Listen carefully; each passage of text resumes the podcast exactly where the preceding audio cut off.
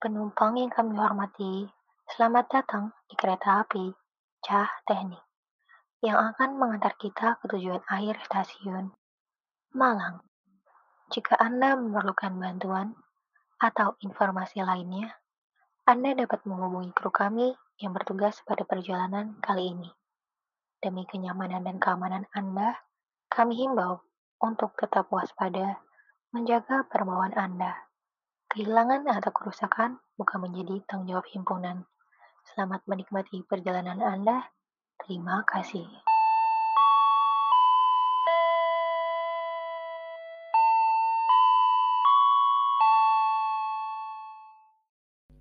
Halo warga Elektro, balik lagi nih di podcast Lokomotif episode ke-6. Nah, episode kali ini kita akan bahas lanjut kuliah di Jepang dengan beasiswa. Gimana? Pasti bisa dong. Nah, di episode kali ini kita kedatangan narasumber yang sangat sangat sangat wow, sangat uh, gimana nih? Siapa lagi kalau bukan Kak Muhammad Mustafa. Nah, sebelum kita mulai ke tanya-tanya nih, Kak Mustafa, silahkan perkenalan diri dulu, Kak. Iya, iya, iya, oke. Nggak wow juga sih ya, sebenarnya biasa aja. so, ya, nama saya Mustafa. Saya sekarang saya jadi mahasiswa di Saga University di Jepang. Jurusan elektro juga di sini. Dulu saya alumni UM tahun 2000 alumni UM angkatan 2013. Ya, seperti itu. Terus di sini saya di uh, Laboratory of Optoelectronics ya. Uh, penelitian saya di sel surya. Terus kemudian di sini saya juga uh, mahasiswa awardee beasiswa Max. Jadi beasiswa dari pemerintah Jepang. Seperti itu. Tuh, keren banget kan teman-teman. Keren banget, Kak. sebenarnya semua orang punya chance yang sama sih kalau mau berusaha ya. Jadi beasiswa ini memang beasiswa yang apa namanya? yang cukup sulit juga untuk didapat. Cuma kalau cuma apa namanya? Cuma kalau misalkan orang nggak pernah tahu, nggak pernah coba, itu pasti akan bilang sangat sulit ya. Tapi sebenarnya nggak nggak juga nggak sulit-sulit banget kok gitu. Jadi kalau apa ya dibilang hebat banget juga nggak nggak juga gitu. Jadi biasa aja kalian juga bisa. Jadi Veronica juga bisa. Ini manggilnya Veronica, Awalia, atau Putri, atau Wijaya? Veronica, Kak. Oh, Vero oh, aja. Oke. Ya, nah, ya. Kak Mustafa ini angkatan tahun 2013, lulusnya tahun 2013, apa 2013 itu baru masuk, Kak? 2013, angkatan 2013. Terus kemudian lulusnya 2019. Bayangkan oh. betapa lamanya saya kuliah. Enggak sih, kayak apa namanya, dulu itu pernah exchange juga di sini satu tahun jadi apa namanya mahasiswa kayak academic exchange gitu pertukaran pelajar ya itu satu tahun di sini tahun 2017 otomatis saya harus cuti kuliah waktu itu satu tahun jadi masa kuliah aku agak agak panjang terus pulang masih nambah lagi satu tahun buat skripsian jadi ya udah gitulah lulus tahun 2019 Oke, jadi lulusnya lama soalnya karena ya produktif juga ya kak? Ya, ya benar, benar. Soalnya apa ya? Nggak tahu ya itu pilihan sih ya. Lulus cepet itu bagus juga. Lulus molor itu kalau produktif juga bagus, tapi yang nggak bagus itu karena kalau memang karena males ya. Nah itu yang perlu dikoreksi ya. Keren lulus, banget. Lulus, lulus lama sih nggak masalah sih. Yang penting ada kegiatannya gitu. Jadi lulus lama tuh nggak apa-apa. Yang penting selama cuti-cuti iya. kita produktif ya kak ya. Hmm, kalau menurut Veronica gimana? Lulus lama nggak apa-apa apa masalah? Nggak apa-apa, asalkan produktif. Waktu oh. kita cuti atau ngapain mungkin kita bisa kerja atau gimana. Kalau itu nggak apa-apa sih. Nah, bener. dulu kalau Kak Mustafa waktu kuliah di UM ikut dari ikut organisasi UKM atau kegiatan apa nih Kak? aku dulu ikut HMJ ya. HMJ TE sama kayak kalian. Jadi tahun awal masuk 2013 kemudian 2014 jadi pengurus himpunan 2015 2013, 2004 pokoknya itu satu tahun ya, dua tahun nggak sih? Dua Dua tahun. tahun ya, dua tahun. Itu jadi penalaran ya. Aku di pena- penalaran, jadi anggota penalaran. Kemudian tahun kedua aku jadi ketua bidang penalaran. Nah, setelah dari situ eh aku banyak sekali ikut-ikut kegiatan ya, nggak hanya di himpunan aja, aku juga ikut apa kegiatan di BIPA waktu itu. Dan aku eh, setelah dari Jepang itu ikut gabung di International Office. Jadi UM itu ada International Office di sana juga eh, banyak sekali program-program internasional. Jadi setelah pulang dari Jepang, aku gabung ikut gabung di sana dan banyak kegiatan juga. Seperti kayak magang tapi ya nggak magang, maksudnya yang magang yang resmi itu nggak. Cuma eh, ya salah satu part of International Office gitu.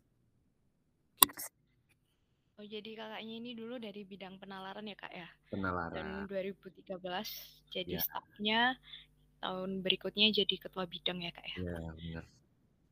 Waktu organisasi apa ada pengalaman kayak lomba-lomba gitu, Kak? Atau Lomba ya. pengalaman-pengalaman yang menarik? Boleh diceritain buat teman-teman. Hmm, lomba-lomba nggak pernah ya. Aku tuh nggak pernah ikut lomba ya. Nggak tahu kenapa. Kalau ikut lomba nggak pernah. Cuma eh, waktu di organisasi sebenarnya ya, aku tuh dulu itu kayak lulusan SMK waktu itu tuh. Terus lumayan kutu buku sih ya waktu itu. Jadi nggak pernah ikut organisasi apa segala macem.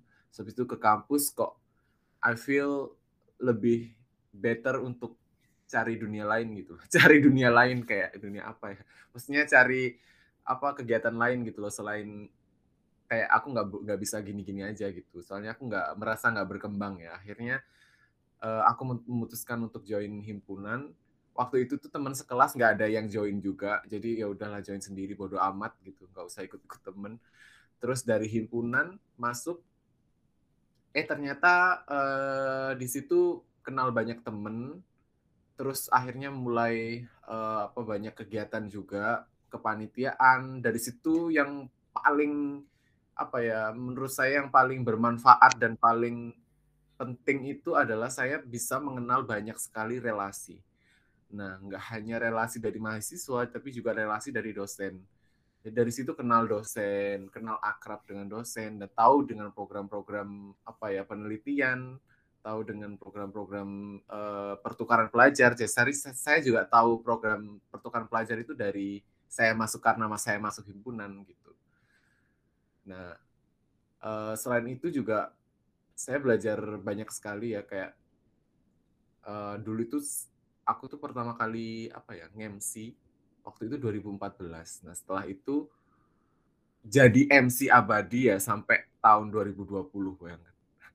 jadi dipakai terus sama jurusan buat MC setiap acara, event conference, kuliah tamu dan lain-lain itu sampai kemarin akhir ICOVED 2020 itu dipakai terus gitu. Jadi se sebanyak itu ya Pak manfaatnya ikut join himpunan tuh. Banyak banget sih kalau mau diceritain kayak maksudnya banyak banget. Pokoknya nggak bakalan nyesen nggak bakalan nyesel apalagi untuk mahasiswa baru kalau join organisasi. That's it gitu. jadi kamu Mustafa ini berarti dapat info-info itu juga istilahnya dari himpunan ya kak berawal ya. dari himpunan jadi kayak dikembangin ya? gitu hmm, ya ya bener kayak apa ya dosen pun juga dulu itu melihatnya uh, aku bisa berangkat ke Jepang pun karena aku ikut organisasi gitu. Jadi aku ikut organisasi terus aku kayak kelihatan gitu ya. Oh, aktif anak ini aktif terus habis itu tahu Bu Ani kan ya. Iya, Ya, dari dari situ aku kenal Bu Ani waktu dulu itu Bu Ani jadi pendamping himpunan ya kan. Terus Bu Ani kenal banyak dengan aku. Terus uh, beliau uh, meminta saya untuk uh, daftar beasiswa untuk ke Jepang waktu itu. Nah itu tuh tahunya juga dari himpunan. Gitu. Banyak sekali sih relasi itu mantap pokoknya. Jadi istilahnya tuh kita tuh harus berani keluar dari zona nyaman gak sih kak? Bener. Yang darinya gini-gini aja harus berani. Ini loh aku kayak gitu gak sih kak? Iya bener banget. Bener banget. Kalau kita jadi begitu-begitu terus ya nggak bakalan berkembang juga ya kan. Iya Kalau benar benar benar. benar juga emang. Apalagi mahasiswa ya, mahasiswa mahasiswa itu kalau menurut saya itu bukan bukan ranahnya hanya untuk akademik gitu. Karena mahasiswa itu menurut aku value-nya itu lebih dari itu gitu, harusnya ya. Ap- kalau misalkan masih SMA, oke lah ya. Kalau nggak, maksudnya nggak ikut organisasi atau apa. Tapi even itu penting juga sih sebenarnya. Tapi kalau mahasiswa itu lebih apa ya? Kita lebih dianggap eh, agent of change ya. Orang yang udah punya pemikiran matang ya istilahnya. Dan kita kita ini eh, anak yang lagi aktif-aktifnya gitu loh. Harusnya eh, value-nya lebih dari cuma sekedar belajar. Itu sih. Soalnya lagi mahasiswa tuh lagi produktif-produktifnya ya kak, harus benar-benar dimanfaatin ya. Benar, benar, benar juga. Nah kalau boleh tahu nih kak, kakak sekarang sedang melanjutkan studi S2 di Jepang ya kak. Hmm. Nah itu di mana terus ambil bidang apa nih kak? Aku di Saga University. Jadi Saga itu kota kecil ya. Lumayan kecil kotanya. Di selatan, bagian Jepang bagian selatan kalau kalian pernah uh, denger wak denger apa namanya? Pulau Kyushu. Aku stay di situ. Di situ ada namanya Saga University. Uh, kampus kita, ya kampus UM tercinta ini punya kerjasama juga dengan kampus saya di sini di Saga University. Jadi banyak sekali program uh, kerjasama juga seperti academic exchange dan lain-lain gitu. Nah, uh, saya di sini masuk di of course teknik elektro ya karena aku dulu pendidikan teknik elektro.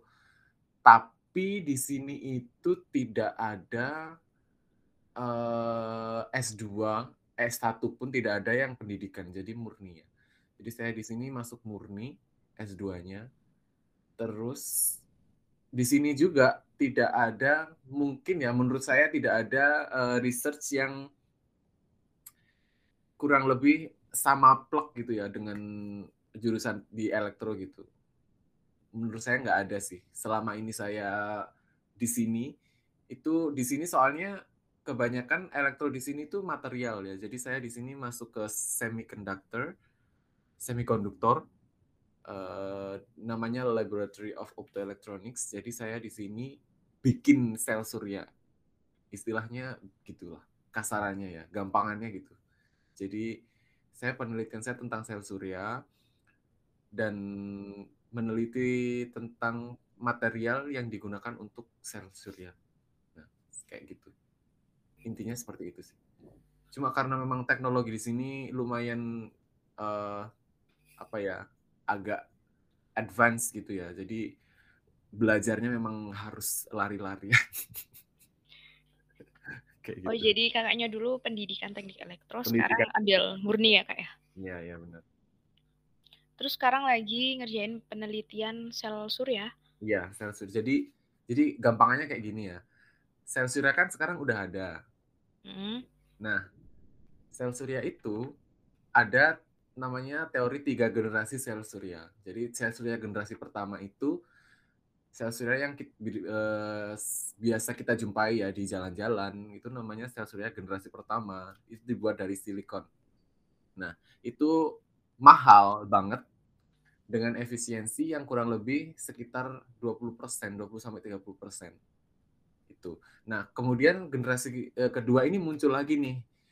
Nah generasi kedua ini bahannya lebih murah, murah, tapi efisiensinya jauh lebih kecil. Nah, akhirnya muncul lagi nih generasi ketiga dengan bahan yang murah tapi efisiensi yang jauh lebih besar. Nah, generasi ketiga ini banyak sekali sekarang banyak sekali uh, tipenya ya. Jadi nggak hanya satu tipe sel surya, jadi ada beberapa.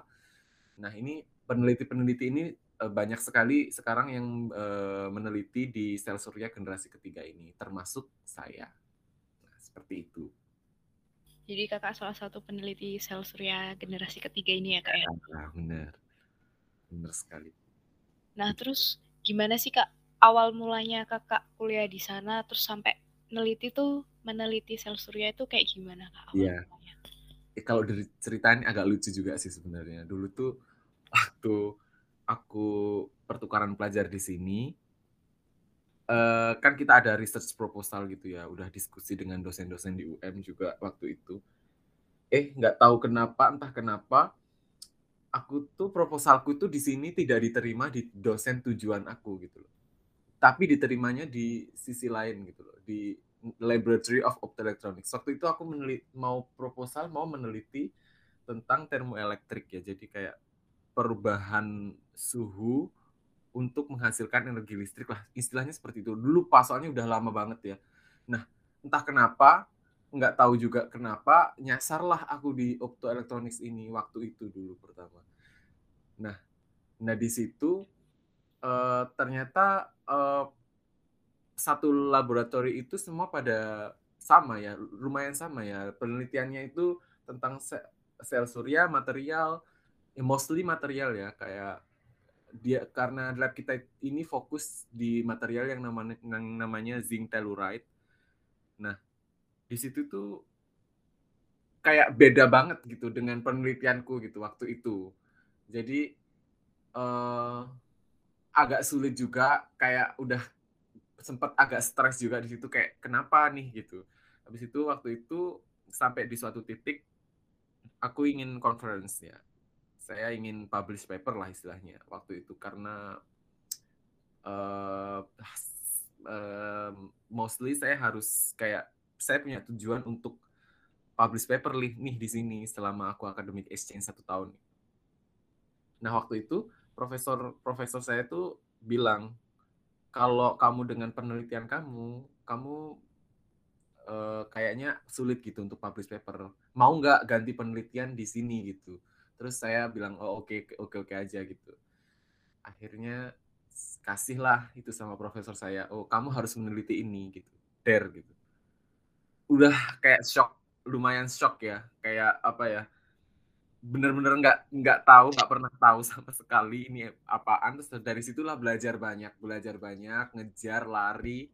Akhirnya publish paper lah waktu itu 2017 Desember Nah, dari situ tertarik dengan research ini, akhirnya uh, profesor saya juga uh, lumayan seneng ya dengan kerja saya gitu. Cuma meskipun apa namanya nggak aku tuh nggak sepinter teman-teman yang ada di sini di lab sini karena memang keilmuannya itu benar-benar beda gitu. Tapi karena nggak tahu ya profesor mungkin menghargai sekali kerja keras gitu. Jadi suka gitu kita berhubungan baik akhirnya kembali ke Indonesia. Uh, profesor saya di sini kayak oke okay, kalau kamu mau S2 kamu bisa apply ini ini ini ini. Saya akan kasih rekomendasi. Akhirnya dengan simsalabim rekomendasi sensei yang sangat sangat kuat ini rekomendasi profesor yang sangat kuat ini akhirnya alhamdulillah saya bisa dapat beasiswa di sini kayak gitu. Begitulah. Jadi awalnya kakak ini mau meneliti hal yang lain, lain. tapi gak keterima gitu ya kak? Eh, uh, bukan gak keterima sih, karena awal itu conference ya, jadi kayak sulit diteruskan gitu Oh gitu. gitu. Akhirnya dikasih research baru gitu.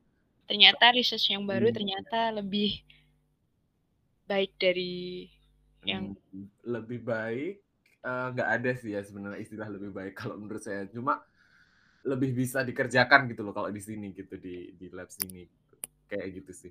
Kalau kamu elektro apa informatika? Informatika kak. Oh informatika. Jadi uh, iya sih nggak terlalu familiar juga ya dengan pernak pernik elektro ya. Nah ini kakak juga beasiswa kan ya kak di Jepang? Beasiswa beasiswa. Nah itu beasiswa apa kak kalau boleh tahu? Namanya beasiswa membuka gaksho atau max ya Max beasiswa Max ini terkenal sekali ya, mungkin banyak yang tahu. Jadi beasiswa dari pemerintah Jepang. Nah, beasiswa Max ini itu uh, salah satu beasiswa yang tergolong besar ya di sini. Kalau di Indonesia mungkin apa ya LPDP, kamu tahu LPDP nggak? LPDP. Kayak punyanya Kemendikbud atau? Iya, iya, ya, kayak punyanya Dikti kayak gitu. Jadi uh, di sini Diktinya Jepang itu namanya Max ya beasiswanya. Jadi beasiswa full funding mulai tersedia mulai dari S1 sampai S3. Nah, uh, beasiswa ini cover SPP. SPP itu free, udah nggak perlu pusing-pusing mikirin SPP. Kemudian setiap bulan kita dikasih uang untuk hidup di sini. Seperti itu. Jadi, beasiswanya biaya pendidikan sama biaya tuition. uang ya, jajan ya, benar benar benar. Beasiswa pen, biaya pendidikan sama apa namanya buat living cost. Oke oke. Berarti itu beasiswanya punya diktinya Jepang. Ya ya benar. Diktinya Jepang ya kasarannya gitu sih diktinya Jepang diktinya Jepang ya terus kalau mau ikut beasiswa ini tuh syaratnya apa aja kak susah Bisa apa banget. enggak terus hmm. dokumen-dokumennya yang dibutuhin itu ribet atau gimana kak? Um, gimana ya? Ini kan ini yang dengerin kan anak-anak kampus ya, anak-anak universitas ya. Jadi mungkin kita bahasnya langsung fokus ke S2 aja ya kali ya. Iya, Jadi Kak. soalnya setiap uh, S1, S2, S3 itu nanti uh, syaratnya itu beda gitu. Jadi karena ini mungkin audiensnya anak-anak kampus yang mungkin udah S1 dan mau meneruskan mungkin ke S2. Jadi di S2 itu ada dua jalur. Yang pertama adalah jalur embassy atau jalur dari kedutaan Jepang yang ada di Indonesia. Yang kedua adalah dari jalur kampus yang ada di Jepang. Jadi dua jalur ini maksudnya apa gitu. Jadi yang pertama kalian bisa daftar langsung di uh, kedutaan besar di Jepang sorry kedutaan Jepang di Indonesia. Jadi adanya di Surabaya ya itu dari konsulat jenderal eh, Jepang yang ada di Surabaya. Nah, kalian bisa daftar langsung ke sana.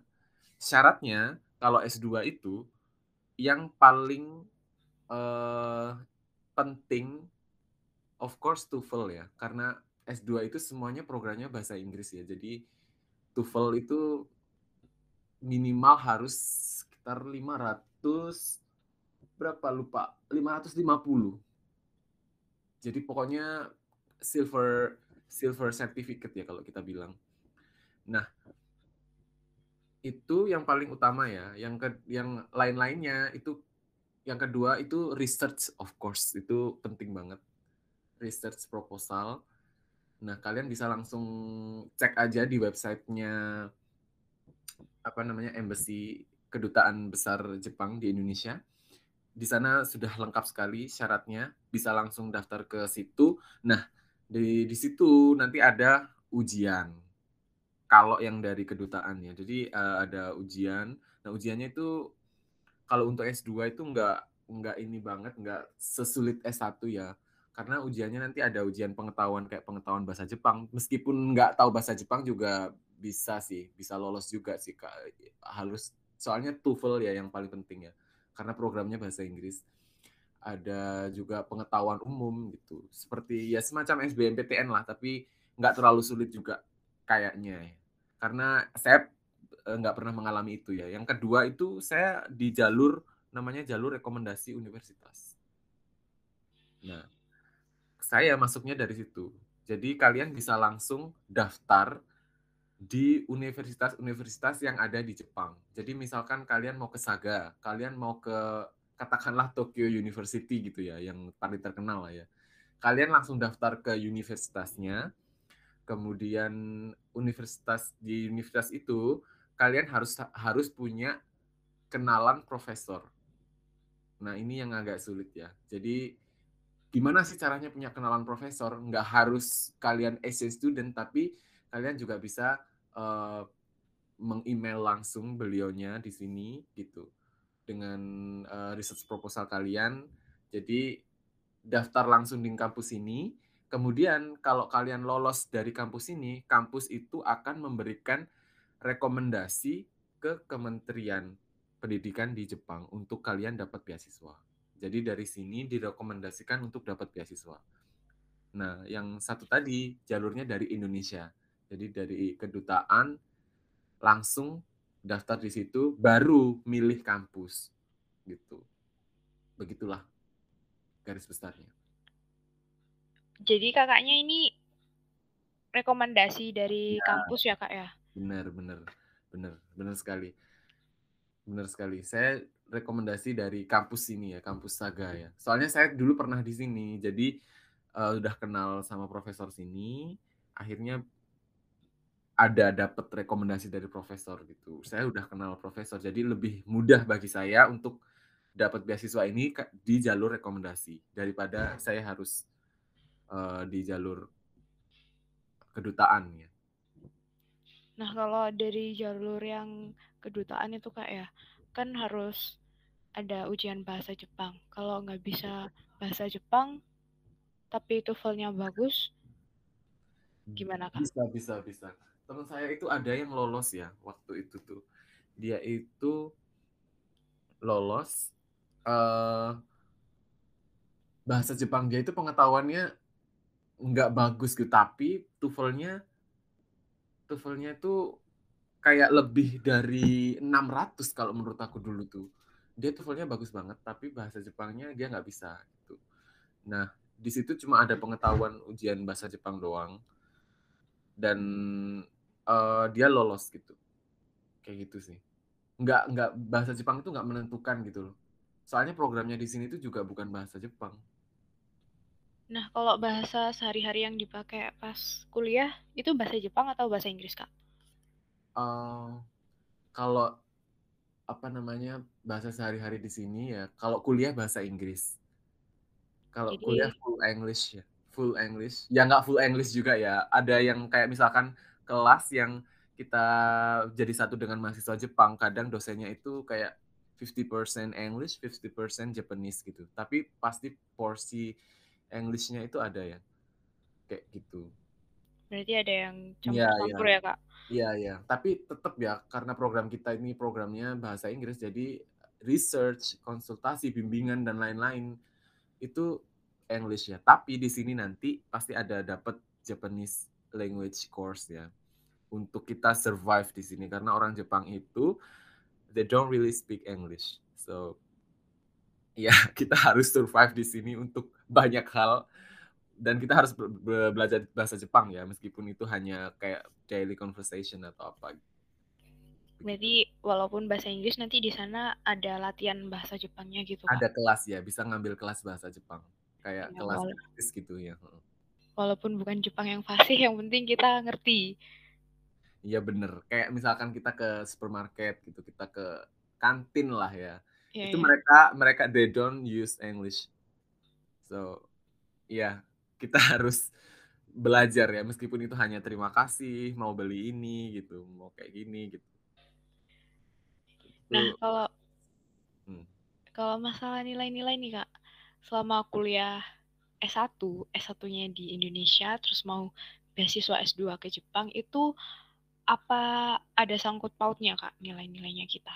Atau cuman dari proposal atau dari rekomendasi itu udah bisa mempermudah jalannya kita atau gimana, Kak?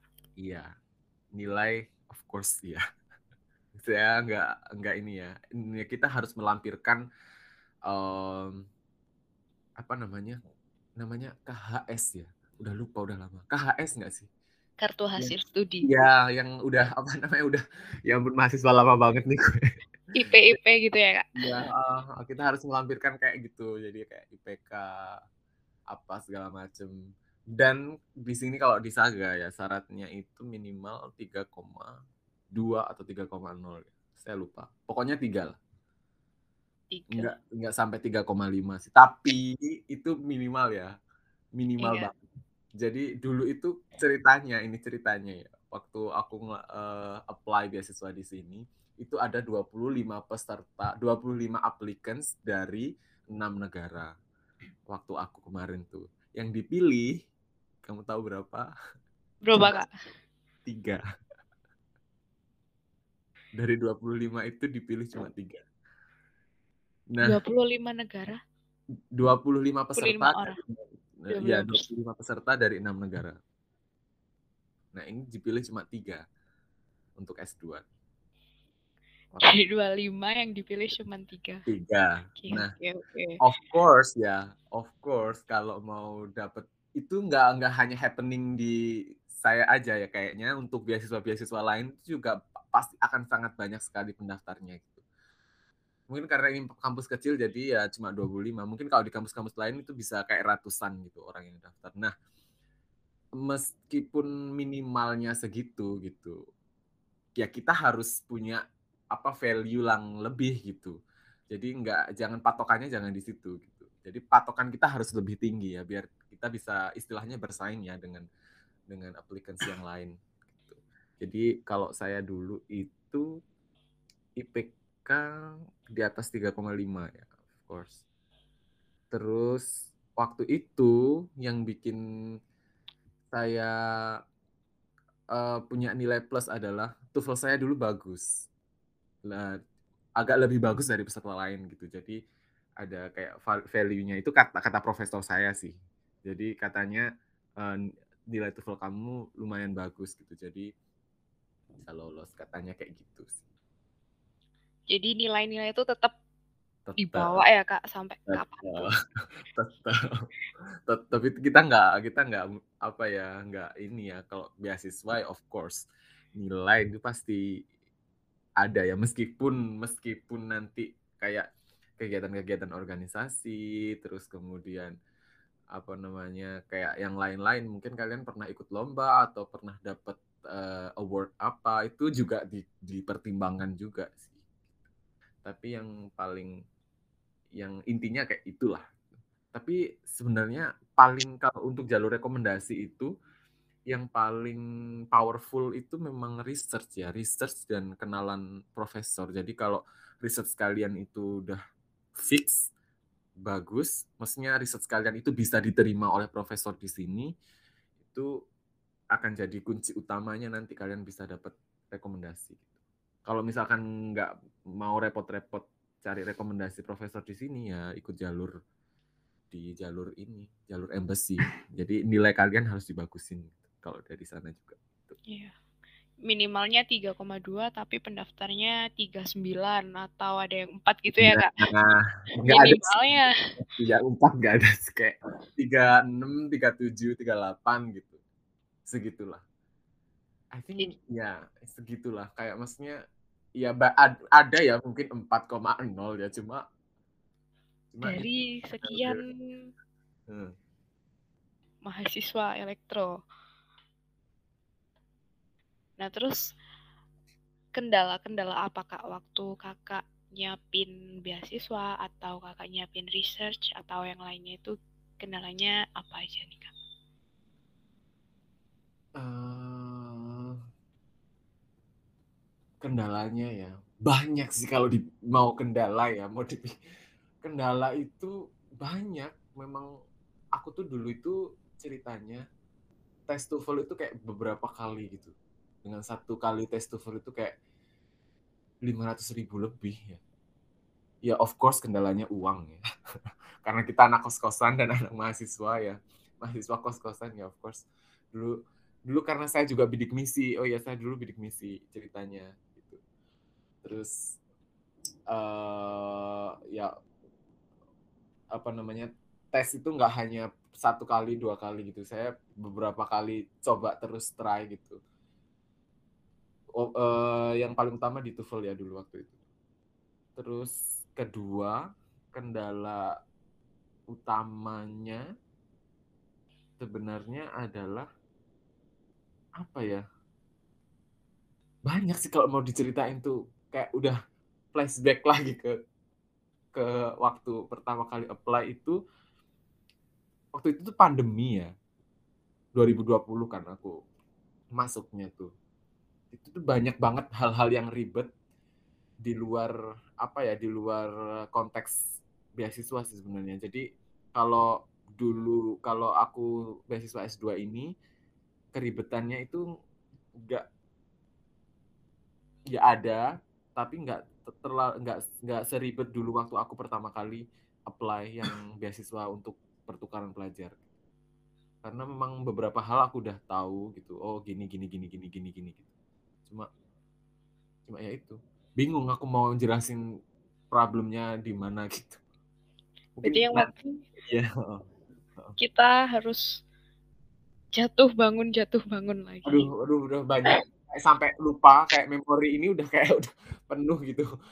Udah nggak hanya jatuh udah kayak apa ya? Memang usahanya memang harus keras sih ya. Memang usaha itu harus keras. Soalnya apa ya?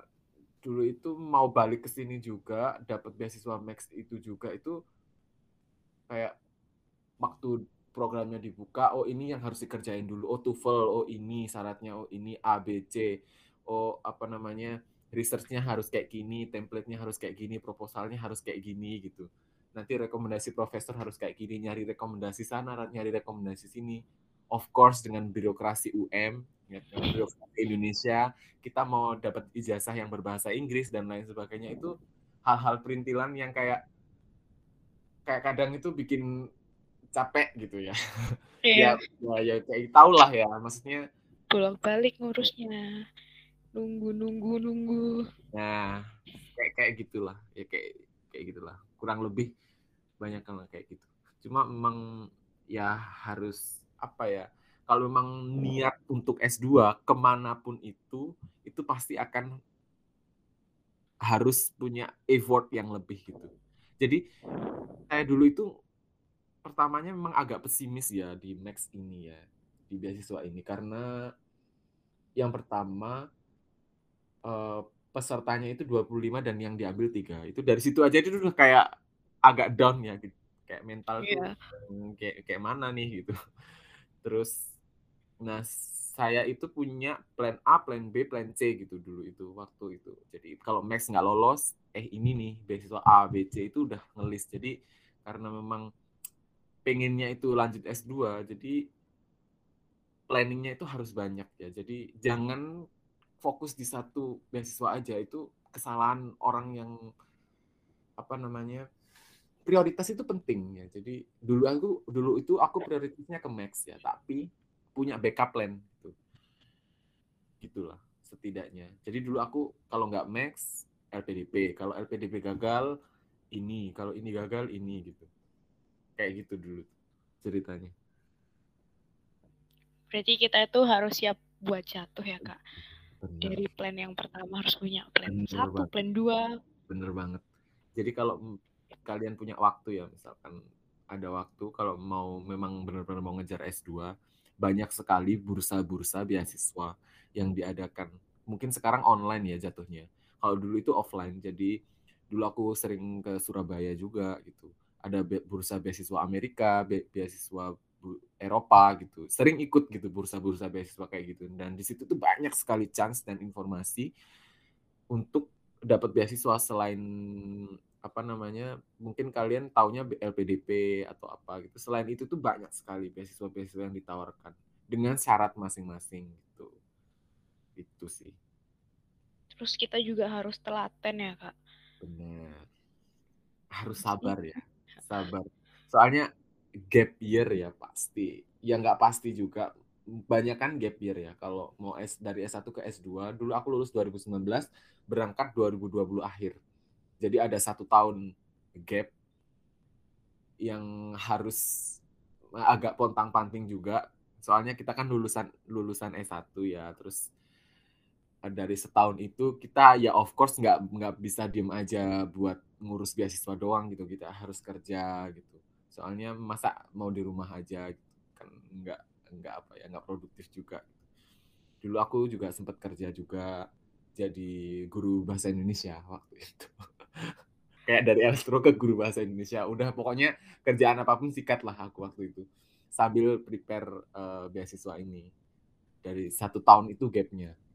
Dan mostly teman-teman saya di sini tuh juga gap year gitu. Mereka ada gap satu tahun dua tahun tiga tahun bahkan untuk uh, dapat beasiswa itu. Jadi jangan dibayangkan kayak dari SMA langsung kuliah gitu. Langsung dapat oh ini SBMPTN ABC dan lain sebagainya itu jangan jangan kayak gitu ya. Kalau mau dapat beasiswa ya.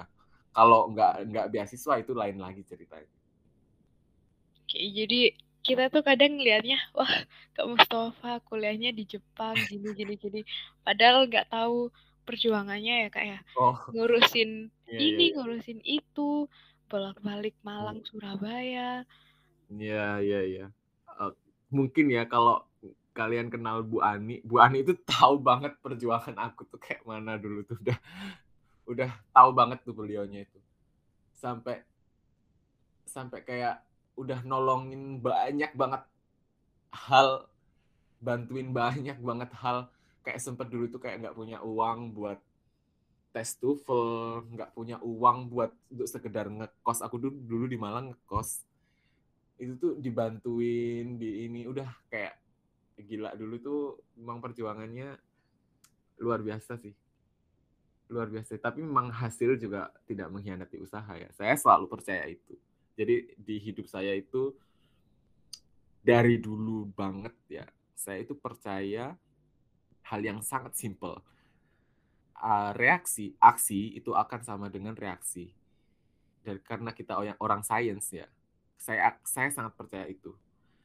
Jadi kalau kita um, um, contohnya kita bakar kayu, kayu itu pasti akan terbakar gitu. Jadi kalau ada aksi itu pasti ada reaksi. Nah, tergantung waktunya aja gitu. Yang satu mungkin kayunya kering ya, yang satu kayunya basah, sama-sama dibakar. Yang kayunya basah pasti uh, membutuhkan effort yang lebih dan waktu yang lebih juga gitu. Tapi akan sama-sama terbakar at the end-nya. Gitu.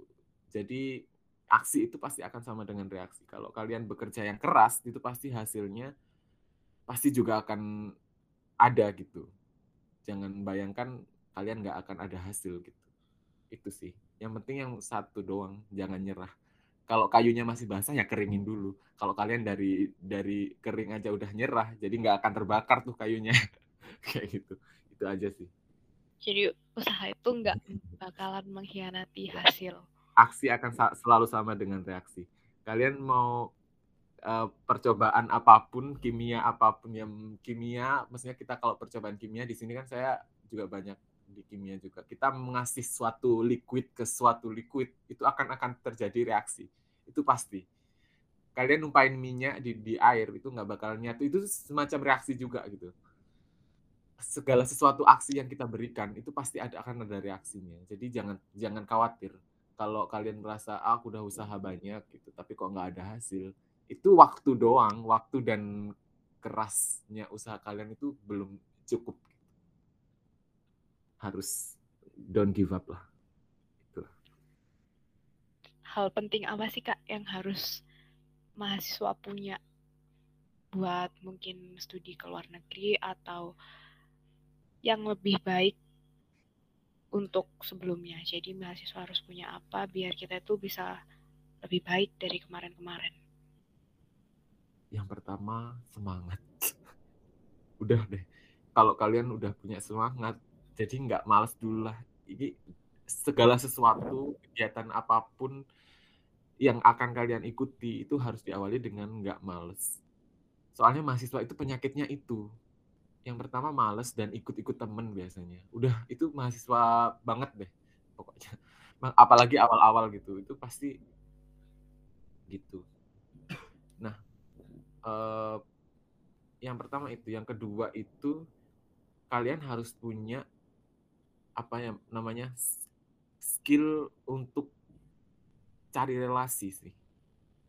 Entah apa pun itu caranya ya. Jadi dari mungkin bisa kalian dapat dari organisasi atau bisa kalian dapat dari yang lain soalnya kalau kalian punya relasi atau lingkungan baru itu kalian itu bakal bakalan lebih berkembang gitu bakalan lebih tahu banyak gitu dari situ pasti nanti jalannya orang itu pasti beda-beda ada yang suka A B ada yang suka C jadi mulailah cari dunia baru lah. Mulailah cari relasi baru, mulailah cari tempat baru buat kalian bisa berkembang.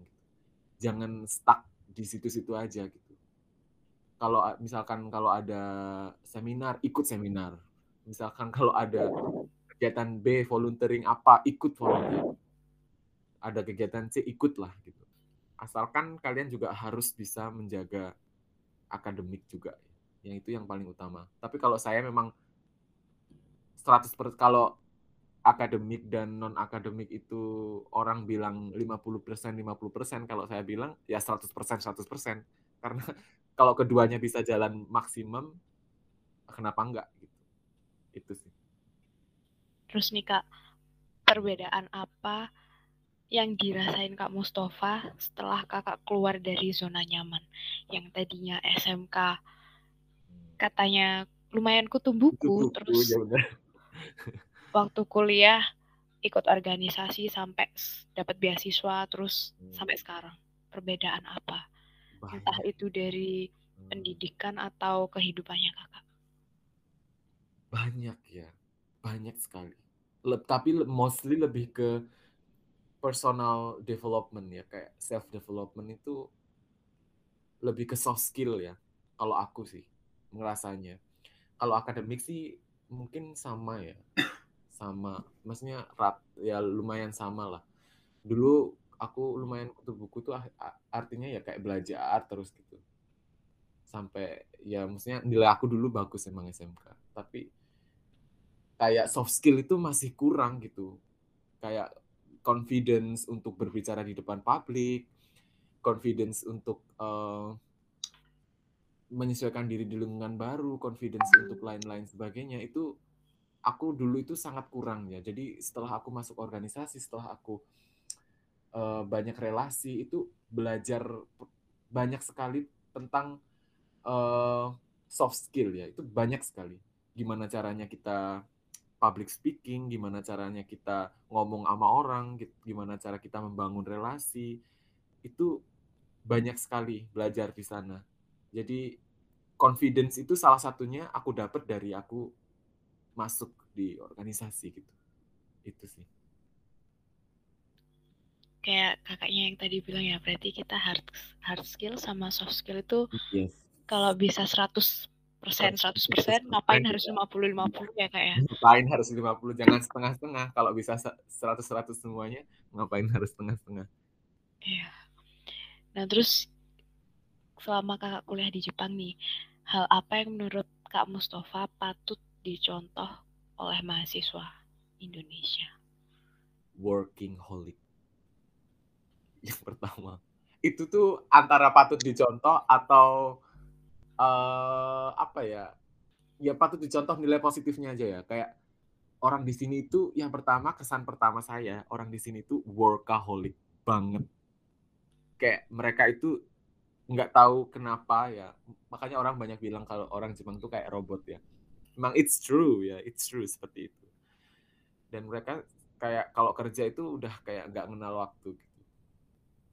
Nah, ya mungkin bisa ditirunya eh, ininya aja ya, semangat kerjanya dan eh, apa namanya workaholicnya itu itu bisa ditiru ya. Of course dengan manajemen waktu yang bagus juga gitu. Nggak harus workaholic yang kayak terus-terusan kerja itu ya nggak harus kayak gitu. Cuma memang semangat kerjanya di sini itu tinggi. Yang kedua itu disiplin.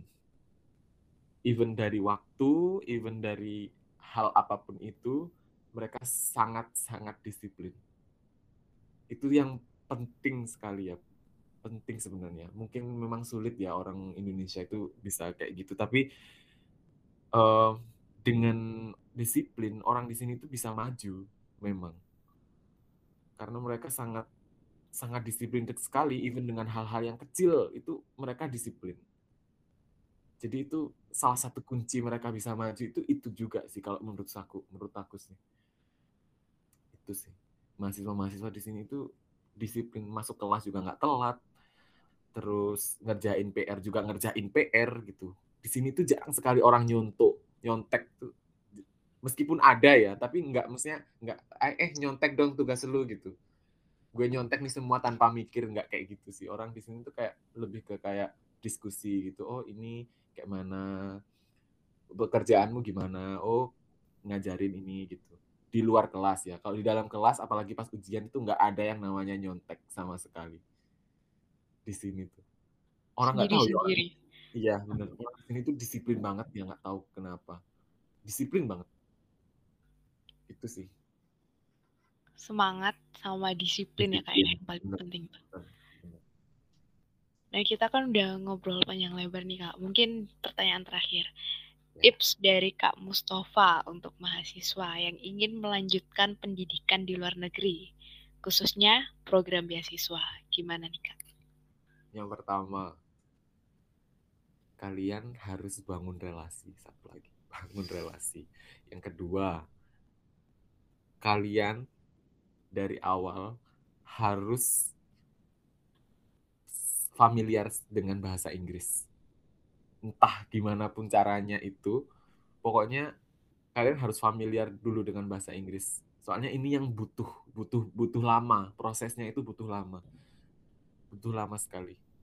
Nah yang ketiga, cari-cari info beasiswa itu dari dari semester semester awal juga nggak masalah. Jadi kalian pasti nanti punya pandangan, oh kayak gini ke kayak gini kayak gitu. Nah, yang keempat, akademik kalian harus bagus. Itu sih mungkin tipsnya. Oke. Terus mungkin ada penutup dari Kak Mustafa? Penutup. Kata-kata uh, saya itu mutiara atau gimana Kak? Saya itu termasuk orang yang sangat suka bermimpi ya. Sangat suka bermimpi saya tuh. Saya itu percaya even mimpiku tuh nggak kesampaian, kalau Bung Karno bilang akan kita akan jatuh di antara bintang-bintang ya. Jadi uh, mimpi setinggi langit, even nggak kesampaian pun kita akan jatuh di antara bintang-bintang katanya kayak gitu ya. Memang saya percaya banget dengan mimpi. Saya dulu itu nulis banyak sekali kertas impian-impian yang besar ataupun impian-impian yang kecil itu saya taruh di dinding. Saya taruh di dinding, ntar itu kesampaian, ntar itu nggak kesampaian. Dari 25 kertas yang saya tempelkan di dinding itu dari semester-semester awal. Sekarang itu mungkin tinggal tiga, tiga kertas doang yang belum tercapai. Sehebat itu ya, power of dream itu. Jadi, uh, there is no impossible dream if we still have possible things to do to realize it. Nggak ada mimpi yang nggak mungkin selama masih ada hal yang mungkin kita lakukan untuk mewujudkannya. So, don't be afraid to dream dan jangan takut juga untuk jatuh itu sih oke jangan takut bermimpi soalnya kalau mimpinya kita tinggi paling nggak kita jatuh itu di antara bintang-bintang ya. nah kak kita kan udah ngobrol banyak banget nih A B C D dan lain-lain ya. mungkin sekian dulu obrolan podcast Lokomotif episode ke-6, lanjut kuliah di Jepang dengan beasiswa bersama Kak Mustafa. Nah, ya. buat teman-teman yang mau beasiswa ke luar negeri atau melanjutkan studi yang lebih baik, semangat, jangan takut bermimpi, karena kalau mimpinya kita tinggi, seenggaknya kita jatuh itu di antara bintang-bintang. Sekian podcast Lokomotif episode kali ini. Terima kasih. Mohon maaf apabila ada salah kata. See you.